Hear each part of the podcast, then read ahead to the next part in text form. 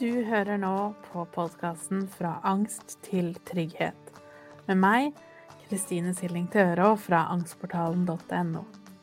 I denne podkasten skal vi snakke mer om hva angst er, hvordan du kan utfordre den, og hvorfor trygghet er så viktig.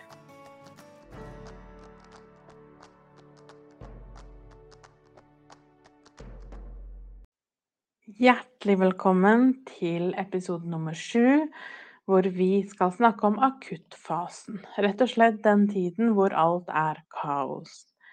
Enten dette er første gangen du har opplevd angst, eller du føler at du har havnet litt tilbake igjen. At angsten har kommet opp igjen, og det er også vel så normalt. Og som jeg snakket om i forrige episode, så vil det alltid gå litt opp og ned. Men med tiden så vil det gå litt mindre opp og ned. Og det vil mer, mer gå opp enn det vil gå ned. Men i starten så er det ganske turbulent. Så i denne episoden så har jeg lyst til å snakke litt om nettopp det. Om det kaoset, og hva vi kan gjøre, og hva som burde være fokuset for å ta best mulig vare på deg selv akkurat nå. Så når du står midt i angsten, og som sagt, enten dette her er ditt første møte med den, at det kom plutselig med et panikkanfall, eller dette er noe som har bygget seg opp over tid, og du kanskje nå ikke helt klarer å gjøre ting som du klarte før, som å gå på jobb eller gjøre hverdagslige gjøremål. Og på et eller annet måte så er følelsene i kaos. Tankene er kanskje kaotiske. Og den fysiske kroppen er veldig opp og ned og sliten. Kanskje du også til og med har noen smerter. Det kjennetegner akuttfasen. Og det som jo gjerne skjer også, er jo fordi vi ikke har så mye kunnskap om dette, fordi vi ikke har lært dette før, hva som skjer. Og derfor så blir også angsten desto mer skremmende. Og i hvert fall for min del, som jeg har sagt mange ganger før, så ble det så enormt fordi jeg trodde at det å ha angst, det er å være litt stressa, litt nervøs, du er litt svett i hendene, du skal holde et foredrag og gruer deg litt. Det at angsten er så fysisk, det var helt nytt for meg. Og det at angsten til de grader tar over alle tanker og alle følelser, det var også fullstendig nytt. Og da er det jo ikke så rart at det også blir ekstremt skremmende. For plutselig så klarer du ikke helt å skille mellom følelsene dine. Det kan føles som du føler alt og ingenting på samme tid. Og hvis jeg nå hadde spurt deg hvordan går det, eller hvordan har du det, eller hva føler du, så ville det vært vanskelig for deg å svare. Fordi det å svare 'det ikke går bra', stemmer jo ikke helt. Det å svare at 'det går bra', stemmer kanskje ikke helt. Og det er noe med nyansene der, og det er vanskelig å sette ord på, men hva er det jeg da egentlig føler? Og det manifesterer seg jo igjen ofte som en uro, som en kroppslig uro. Så det er normalt at du kanskje kjenner at det rusher veldig i kroppen. Noen kan kjenne det som en støtfølelse i deler av kroppen, eller gjennom hele kroppen. En bølgefølelse er veldig vanlig. Det kan føles som om du går på båt når du går over gulvet. Eller at perspektivene i blikket ditt endrer seg litt. For noen så kan det merkes som om du har et slør foran øynene, sånn at du ikke helt klarer å se ting tydelig. Selv om det kanskje ikke er synet som er problemet, eh, men plutselig så er det som om du ikke klarer å se helt tydelig.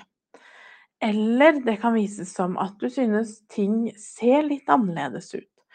Kanskje de endrer seg litt, eller kanskje det plutselig så litt større ut enn det hadde gjort før, eller mindre. Og det er ganske skremmende. Det er et skremmende symptom, fordi det er så fysisk og så ekte. Og for mange så gjelder det jo da også å få seg undersøkt, det er kjempeviktig. Fordi det kan skape noe trygghet når vi vet hva det ikke er. Fordi hodet ditt vil jo gjerne nå tenke at dette her er noe farlig, dette her er kanskje til og med noe dødelig. Og mange vil også da vegre seg for å gå til legen fordi man er livredd. Man er redd både for hva legen vil si, men så er man også redd for at legen skal tenke at du er gal. At du er noe ordentlig, ordentlig alvorlig galt med psyken din som gjør at du har det sånn, eller forteller om det du forteller om. Og da er det så utrolig viktig å bare minne seg selv på at legen din har hørt dette her før, fordi det er helt normalt. Det er sånn det er. Og det er skremmende, og det er voldsomt. Og nå har vi snakket om, da, om både følelsene og den kroppslige uroen. Og tankene er jo heller ikke noe unntak. Det er veldig typisk å føle at hodet er fullt av tanker, men vi vet kanskje ikke helt hva vi tenker på samme tid. Det er kaotisk, og det er voldsomt, og det er kanskje mye skumle tanker som gjentar seg. Og det er også helt, helt normalt. Så med andre ord, det som kjennetegner denne akuttfasen, det er kanskje et ord som kaos kan dekke det. Selv om jeg føler det er ingen ord egentlig som dekker voldsomheten og i hvilken stor grad du blir på en måte sugd inn i den nye virkeligheten. Det er helt umulig å tenke bortenfor angsttankene eller skru av angstfølelsene fordi de plutselig tar over hele deg. Og det er normalt, men ikke desto skremmende. Det er kjempeskremmende, og det er det som er så tøft og vanskelig. Og fordi da kroppen din, uansett hvordan type angst du har, så jobbes det jo døgnet rundt, kanskje. Som jo kanskje betyr at du ikke sover så godt akkurat nå. Som igjen selvfølgelig også vil gjøre at det vil bli tyngre, fordi du blir mer sliten. Vi får også gjerne mer angst når vi er mer slitne, så det blir en ond spiral. Og det er beintøft. Og som sagt, det er ingen ord jeg kan si som egentlig kan sette ord på akkurat det. Og jeg tror nok til en viss grad at vi må ha opplevd det selv for å forstå hvor ekte og voldsomt og kaotisk det faktisk er. Så hvis du føler at ingen helt forstår, så vit at det er helt vanlig.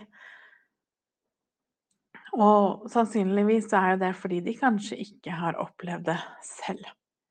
Og husk da, for noen så arter det seg som en mer generell angst. For noen kan det være panikkanfall som for noen varer i ja, to minutter. For andre kan det vare i dagevis. Eller det kan være som en ren tankeopplevelse, altså en, en negativ tankespiral. Det kan være rent fysiske symptomer, som er kanskje det verste. Det kommer helt an på fra person til person, men grunnprinsippene er jo det samme. Og sånn er det jo med alt jeg snakker om. Det spiller ingen rolle hvilken type angst du har. Fordi at det vi snakker om, er jo nettopp de grunnprinsippene, det som ligger til grunn, og hva vi kan gjøre. Det er to ting jeg hadde lyst til å dra frem her i dag, som ting vi kan gjøre i den kaotiske akuttfasen. Nummer én er jo det jeg kaller for førstehjelp. Så jeg tenker sånn at når vi er i kaoset, så er det ikke tiden for å gjøre de store tingene. Altså utsette deg selv for angsten eller presse deg. Fordi du er ikke mottagelig for det, og sannsynligvis vil det veldig, veldig lite til før det blir for mye. Før panikken kommer, eller utmattelsen eller slitenheten. Derfor så må vi først jobbe med å balansere oss, selv om jeg liker ikke ordet balansere, fordi det, det høres så klisjéfylt ut. Men vi må øve på aller, aller først å finne tilbake litt av energien. Og evne å ta litt bedre vare på oss selv. Fordi at det vil gjøre at når vi kommer til behandlingsfasen, som vi skal snakke om i neste uke, så er du så utrolig mye bedre skodd til å få noe ut av eksponeringa.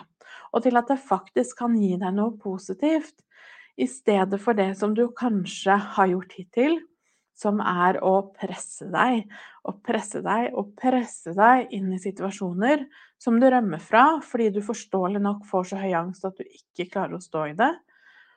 Og det fører til at du ikke føler noe mestring. Du føler kanskje at håpet svinner. Du føler deg Det er vanlig å føle på en, en meningsløshet. Ingenting hjelper, og du blir mer og mer sliten, som igjen fòrer opp under angsten. Så det vi skal gjøre nå, er at vi skal gjøre og tillate oss en fase før vi kommer dit. Og det er det akuttfasen handler om rett og slett trygghet. Så det første er jo da førstehjelp. Og når det kommer til førstehjelp, så er det egentlig en øvelse i å møte angsten kontra å stenge av angsten. Rett og slett å finne av-knappen. For det vil gjøre at du får en opplevelse av mer kontroll.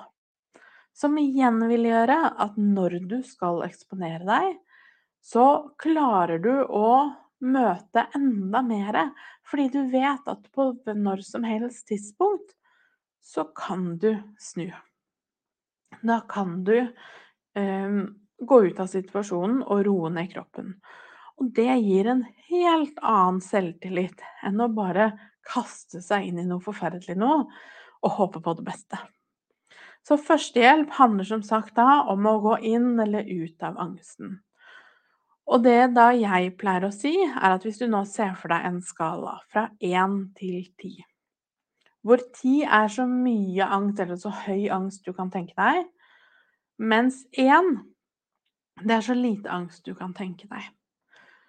Og når vi da skal bestemme i situasjonen om er det riktig for meg nå å tillate meg å trekke meg, eller er det riktig for meg å pushe meg, så kan du spørre deg følgende spørsmål Hvor på denne skalaen er jeg nå?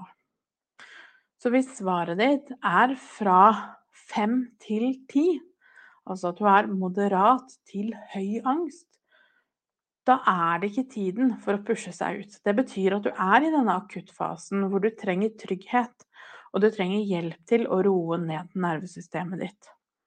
Og det vi jo da skal gjøre, er jo nettopp det. Øve på å finne den av-knappen. Så hvis du er i angstportalen og går inn i førstehjelpen, så er det jo alt som heter ut av. Alle verktøyene som heter det, der guider jeg deg til å gjøre nettopp det ut ifra hvilken situasjon du er i. Om du har panikkangst, uro, tankekjør osv. Så, så hva kan du da gjøre for å roe ned kroppen din, nervesystemet ditt, tankene, hele systemet. Hvis du derimot kjenner at jeg er på en ener til en femmer, sånn fra eh, lite eller ingen angst til moderat angst, så er jo tiden inne for å begynne å møte angsten.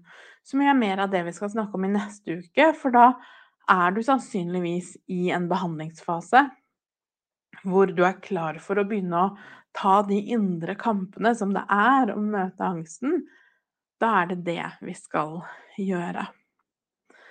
Så det er jo det førstehjelp handler om. Altså hva kan jeg gjøre her og nå for å enten møte meg selv eller tillate meg å gå ut av det?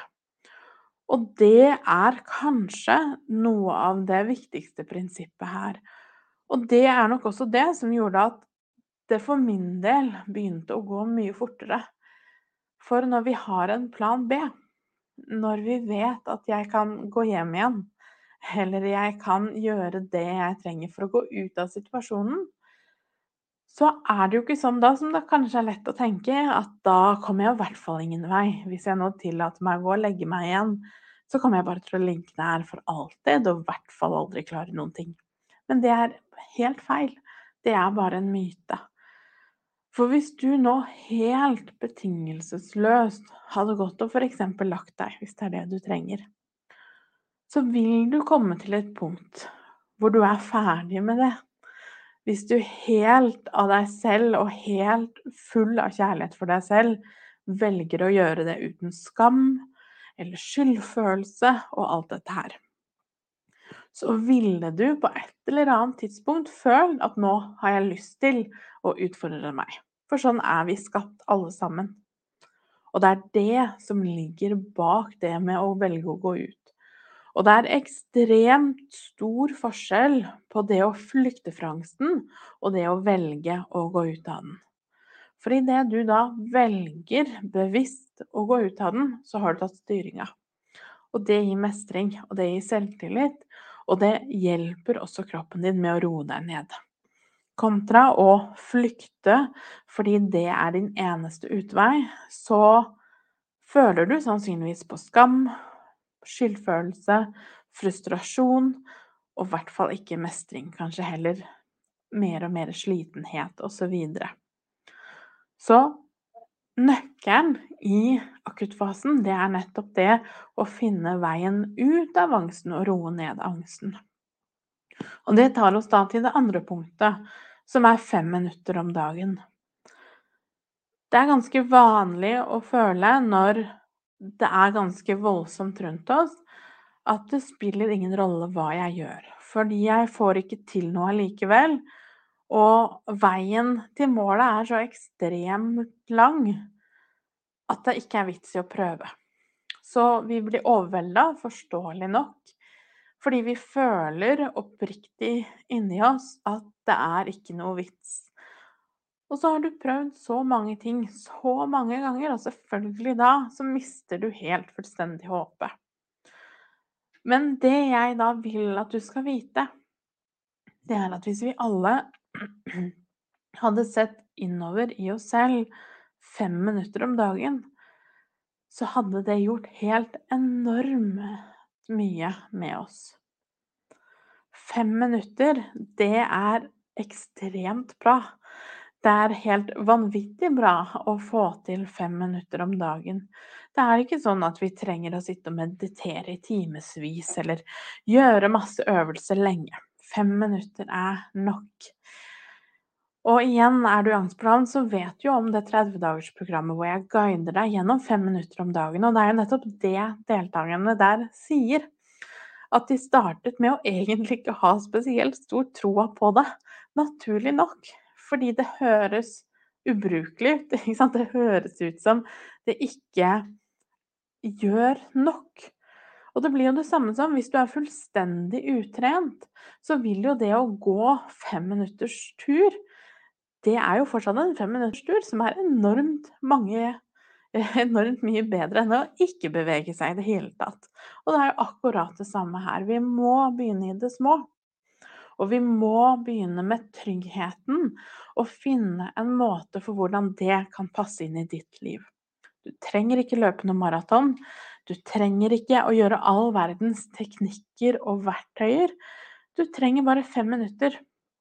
Og i de fem minuttene så skal du gjøre noe som kan skape mer tro, mer trygghet. Og det kan føles helt fjernt, fordi at Trygghet er jo det motsatte av hva du føler på akkurat nå. Så målet her er ikke at vi kan gjøre én ting, og så føles alt så meget bedre med en gang. Så dette her er jo noe vi må øve på. Så hva kan du gjøre de neste fem minuttene for å gi deg litt pause? Gi deg en oppgave? Gi deg noe å fokusere på utover angsten. Og vit da at angsten din vil alltid ha fokuset ditt. Fordi at angsten forteller jo hjernen din, eller hjernen din forteller angsten, at nå må vi følge med her. Fordi at det er en potensiell livstruende situasjon. Så hvis vi nå begynner å fokusere på å gå tur eller drikke en kopp te eller ta en dusj, så er jo det livsfarlig. For da kan jo den øksemorderen i hvert fall plutselig dukke opp. Så kroppen din vil jobbe imot deg for harde livet, og det er helt normalt. Og jeg tror jo mer vi er klar over det, jo lettere vil det også være å prioritere de fem minuttene. Og mange har så dårlig samvittighet for nettopp det. Fordi hele livene våre er kanskje bygd opp til at vi skal pushe oss, og vi skal være flinke, vi skal stå på. Vi skal gjøre alle disse tingene som ikke nødvendigvis er bra for oss, men det er riktig på en litt sånn bakvendt måte. Så hvis du skal hvile, så må du gjøre deg fortjent til det. Du må gjøre alle de tingene du skulle ha gjort, som er noe du alltid vil tape, fordi det er uendelig rekke med ting du skulle ha gjort. Så derfor så blir det aldri sånn at du egentlig fortjener å hvile. Så du pusher deg da, og står på hele tiden. Og selv om du kanskje da tenker nei, jeg sitter jo masse og ser på TV, så gjør du kanskje egentlig ikke det. Fordi mens du da sitter og ser på TV, så er det kanskje 100 tanker i hodet om hva du heller burde ha gjort, eller skulle ha gjort, eller hva du skal gjøre etterpå. Og da er du ikke lenger hvile. Så da er jo ikke det du driver med. Da er du heller noe helt annet. Det er aktivitet du driver med. Og det er det viktig å tenke over. Og det er ikke sånn at du trenger å fortjene å hvile. For det gjør du bare ved å være menneske. Vi trenger alle hvile. Og det er helt umulig for deg å stille opp for noen som helst hvis ikke du først har tatt vare på deg selv. Og det avfeier vi kanskje lett, fordi det høres ut som en klisjé, eller liksom Det har vi hørt så mange ganger før. Men det er jo et faktum. Hvis du fortsetter i samme løypa og hele tiden strekker strikken og går på smell etter smell, så har du heller ikke noe å gi. Verken til deg selv eller til de rundt deg. Så hvile i fem minutter, det må vi. Det trenger vi. Uansett om dette er første gangen du havner i akuttfasen, eller det er tiende gangen. Eller hundrede gangen, for den saks skyld. Og husk at det er veldig vanlig, selv om du har jobbet med angsten din en stund og følt deg bedre, men så skjer det et eller annet i livet igjen som gjør at angsten kommer tilbake. Det er helt normalt. Og da er vi tilbake igjen i angstfasen, nei, i akuttfasen, beklager. Og da skal vi være der. Det er ikke noe skam i det, det er helt naturlig. Så hva kan du gjøre de neste fem minuttene som gjør at du kan føle litt mer ro, litt mer trygghet? Og er du angstportalen, så er det jo superenkelt. Da går du bare inn, så forteller jeg deg akkurat hva du skal gjøre, så slipper du å, slipper du å finne på det selv. Så det er jo veldig behagelig. Så førstehjelp Hva kan jeg gjøre for å skru av kroppen, skru av nervesystemet, for å gi meg selv hvile? Og det er en evne vi kan øve på og bli gode på. På samme måte som vi trener den fysiske kroppen, så kan vi øve på dette. Og så må vi også forvente at det finnes enormt mange verktøy som ikke funker på deg. Og det finnes kanskje enda flere verktøy som faktisk funker. Så hvis du nå tenker at ja, men dette har jeg prøvd, jeg har prøvd sånn og sånn og sånn, husk nå at da er det jo verktøyene det er et problem med, ikke med deg. For dette her er mulig for deg, men vi må finne på hvilken måte dette gir mening for ditt system og din kropp. Og jeg tenker jo at det er derfor de fem minuttene er så viktige. Fordi at alle har fem minutter i løpet av en dag. Og så er det opp til deg å finne ut av hva du skal fylle de med. Så det var litt om denne akuttfasen. Den kaotiske fasen hvor angsten er høy og følelsene er voldsomme, tankene er voldsomme. Det er mye som skjer i kroppen av symptomer. Det er kanskje veldig tett mellom takene. Det er tett mellom panikkene eller mellom eh, høydene i angsten. Og det gjør at du blir sliten. Så ta godt vare på deg selv. Og husk at det er absolutt ingen skam i å ha det vanskelig. Og det beste vi kan gjøre da, er jo å ta vare på oss selv. Og for mange så vil det også bety at vi trenger noen å snakke med. Og det er ikke sånn at du trenger å ha eh, en, en kjempealvorlig angst eller psykisk diagnose for å få lov til å få hjelp. Det er jo strengt tatt noe vi alle skulle hatt gjennom livet. Noen til å hjelpe oss til å sette ord på ting og sortere i hvordan vi egentlig har det. Og det er også en viktig del i akuttfasen. Eh, og for mange vil det kanskje gi mer mening å kanskje få noe hjelp eh, via videosamtaler osv. Fordi kanskje det å komme ut av huset akkurat nå er vanskelig. Men igjen, der er vi jo helt forskjellige, og noen foretrekker et fysisk oppmøte, f.eks. Så neste uke så skal vi snakke om behandlingsfasen. Så hva skal du gjøre når du har kommet litt ut av det vi har snakket om i dag? Du begynner å få hodet litt over vann. Du begynner å se at kanskje det er noe interessant som foregår. Kanskje det kan være litt spennende å være nysgjerrig på hva er det som egentlig driver angsten min, og hva er det dette her egentlig handler om. Det er fokuset i neste uke. Så inntil da så håper jeg du tar godt vare på deg selv. At du sier ifra hvis det er noe du lurer på. Og ja, gjør det du kan gjøre de neste fem minuttene for å ta godt vare på deg selv. Ha en fin dag. For å lære mer om angstmestring og mine metoder, så går du til angstportalen.no. Du finner meg også på Instagram som Angstpedagogen, og på Facebook som angstportalen.no. Der har jeg også en gratis Facebook-gruppe hvis du har lyst til å komme i gang og bli kjent med andre som har det på samme måte.